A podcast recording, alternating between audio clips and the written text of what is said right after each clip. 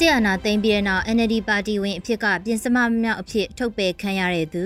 ကရင်ပြည်နယ်ကရေကြီးတဲ့တဘာဝဘေးနဲ့လက်နက်ကင်တိုက်ပွဲတွေလို့အမည်ရတဲ့မြန်မာနွေခရိုနီကယ်ဩဂုတ်လ9မြင်ကွင်းမိုးမခဆောင်းပါးကိုဖတ်ကြားတင်ပြပေးပါမယ်ရှင်။ ဩဂုတ်လတရက်နေ့မတိုင်ခင်တရက်အလိုကာလုံလူအတူကအားဖြင့်ခေါ်ဆိုတဲ့ကာကွယ်ရေးနဲ့လုံခြုံရေးကောင်စီအစည်းအဝေးကို NLD အစိုးရအာဏာရစဉ်က NLD လွှတ်တော်ကိုယ်စားလှယ်တွေအဆိုပြုခန့်အပ်ခဲ့တဲ့နိုင်ငံရဲ့ဒုတိယသမ္မတတဦးဖြစ်တဲ့ဟင်နရီဘန်တီယူကပထမဆုံးအကြိမ်တက်ရောက်ခဲ့တာတွေ့ရပါတယ်။ဆီယနာသိမ့်ပြီးတဲ့နောက် NLD ပါတီဘက်ကဒုတိယသမ္မတဖြစ်တော်လဲဖန်စီချင်းမခံရတဲ့သူလည်းဖြစ်ပါတယ်။ အဲ့ချိန်ကာလကအာနာသိန်းစစ်တပ်ရဲ့ပြောဆိုမှုစီယုံမှုကိုဘယ်လိုတုံ့ပြန်ပြောဆိုခဲ့တယ်လဲဆိုတာတော့ဘယ်သူမှတိတိပပမသိရှိခဲ့ကြပါဘူး။ဆီယနာသိန်းပြီးတဲ့နောက်ကျင်းပတဲ့ကာလုံအစည်းအဝေးနဲ့အဲ့ဒီနောက်တစ်နှစ်အပြီးကျင်းပတဲ့အစည်းအဝေး6လ2ကြိမ်မှာကျင်းပတဲ့ကာလုံအစည်းအဝေးတွေကိုတက်ရောက်ခဲ့ခြင်းမရှိဘဲနှစ်နှစ်ခွဲအကြာမှာတော့ပထမဆုံးအကြိမ်ဖြစ်လူမြင်ကွင်းမှာပေါ်ထွက်လာပြီးအရေးပေါ်ကာလနောက်ထပ်6လတသန်းတိုးဖို့ဆုံးဖြတ်ပေးတဲ့အစည်းအဝေးလည်းဖြစ်ပါတယ်။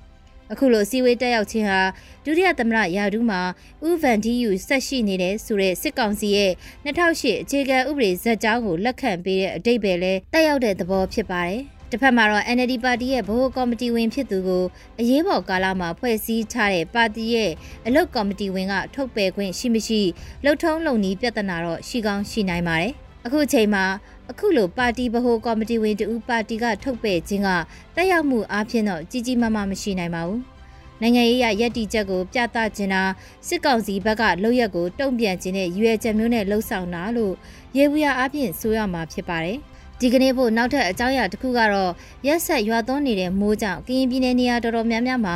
ရေကြီးနေပြီး ထိုင်းမြန်မာနယ်စပ်ကုန်းသွယ်ရေးရဲ့အဓိကလမ်းကြောင်းဖြစ်တဲ့မြရီဖအန်လမ်းပိုင်းမှာမြေပြိုပြီးလမ်းပိုင်းပြတ်တောက်သွားတာရေတိုက်စားမှုကြောင့်လမ်းတွေကားသွားလာရခက်ခဲတာတွေဖြစ်ပွားနေပါတယ်။ပြီးခဲ့တဲ့ရက်ပိုင်းကအာရှလမ်းမလို့ခေါ်ကြတဲ့ကက်ကရိတ်မြရီလမ်းသစ်ရဲ့လမ်းပိုင်းတစ်ခုတောင်ပြုံမှုကြောင့်မြေသားတွေနဲ့အတူလမ်းပိုင်းတစ်ခုလုံးပြိုကျသွားပြီးလုံးဝသွားလာလို့မရတော့တဲ့အခြေအနေဖြစ်ပါတယ်။ မြရီကော့ဂရိတ်ဖအံကိုဆက်သွယ်ထားတဲ့ဒေါနာတောင်ကျော်လမ်းဟောင်းထုတ်ကိုကိုကျေးရွာကိုဖျက်တမ်းတဲ့နဘူးလမ်းစတဲ့လမ်းမိုင်းတွေလည်းတုံးဆွဲခြင်းမရှိတာကြာလို့ပြုပြင်ထိမ့်သိမ့်မှုမလုပ်ဘဲထားတဲ့လမ်းဖြစ်လို့တုံးဆွဲဖို့မလွယ်ကူတာမိုးတီးတန့်စွာရွာသွန်းတဲ့ဒဏ်ကြောင့်လမ်းတွေရေတိုက်စားနေတာတွေကြောင့်ထိုင်းကတင်သွင်းလာတဲ့ကုန်စည်တွေထိုင်းကိုတင်ပို့မဲ့ကုန်စည်တွေတဲဆောင်မှုခက်ခဲနေတဲ့အခြေအနေဖြစ်ပါတယ်။အဆိုပါမြရီကော့ဂရိတ်ဒေသတဝိုက်မှာမိုးရက်ဆက်ရွာသွန်းတာ မုတ်တုံရာသီရဲ့မူများဆုံးကာလတွေဖြစ်ပေမဲ့လက်နက်ကင်တိုက်ပွဲတွေ KNL ဘက်ကတင်းယူထားတဲ့စခန်းတွေကိုစစ်ကောင်စီဘက်ကပြန်လည်ရရှိဖို့အပြင်းထန်တိုက်ခိုက်နေတဲ့တိုက်ပွဲတွေကရန်နာခြင်းမရှိတာတွေ့ရပါလိမ့်မယ်။အရင်ရင်မဆလာနဲ့အစ်စ်အစိုးရလက်ထက်တွေတုန်းက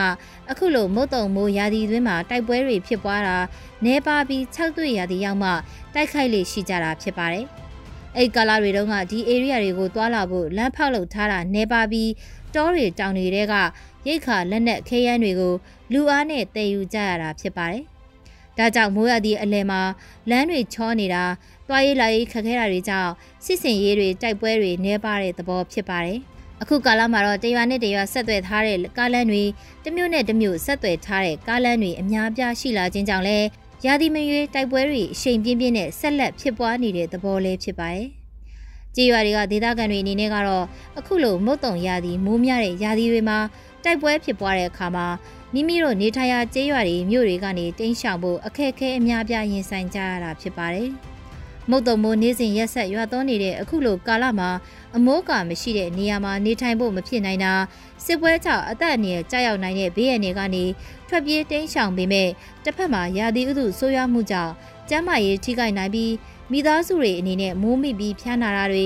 ချောင်းရည်မြည်ရည်မြင့်တက်နေခြင်းဖြစ်လို့ဖြတ်တန်းရမလွယ်ကူတာတွေရင်ဆိုင်ကြရမယ့်အနေအထားလေးဖြစ်ပါတယ်။ကရင်ပြည်နယ်မြောက်ရီကော့ဂရိတ်မြို့နယ် လှိုင်းပွဲမြို့နယ်ကရင်ပြည်နယ်နဲ့ထိစပ်နေတဲ့တထုံဘီလင်းလမ်းပိုင်းကဒေသတွေကြာရင်စိတ်ကြီးမြို့နယ်စတဲ့နေရာတွေကဒေသခံတွေအနေနဲ့ရေကြီးတဲ့သဘာဝဘေးအန္တရာယ်ကိုလက်ရှိခံစားနေကြရပြီးလက်နက်ကင်တိုက်ပွဲတွေရဲ့အနေအထားကိုလည်းမျက်ခြေမပြတ်စောင့်ကြည့်ကတင်းရှောင်ဖို့လဲအသင့်ပြင်ထားကြရတဲ့အခြေအနေမျိုးလည်းဖြစ်ပါတော့တယ်ရှင်။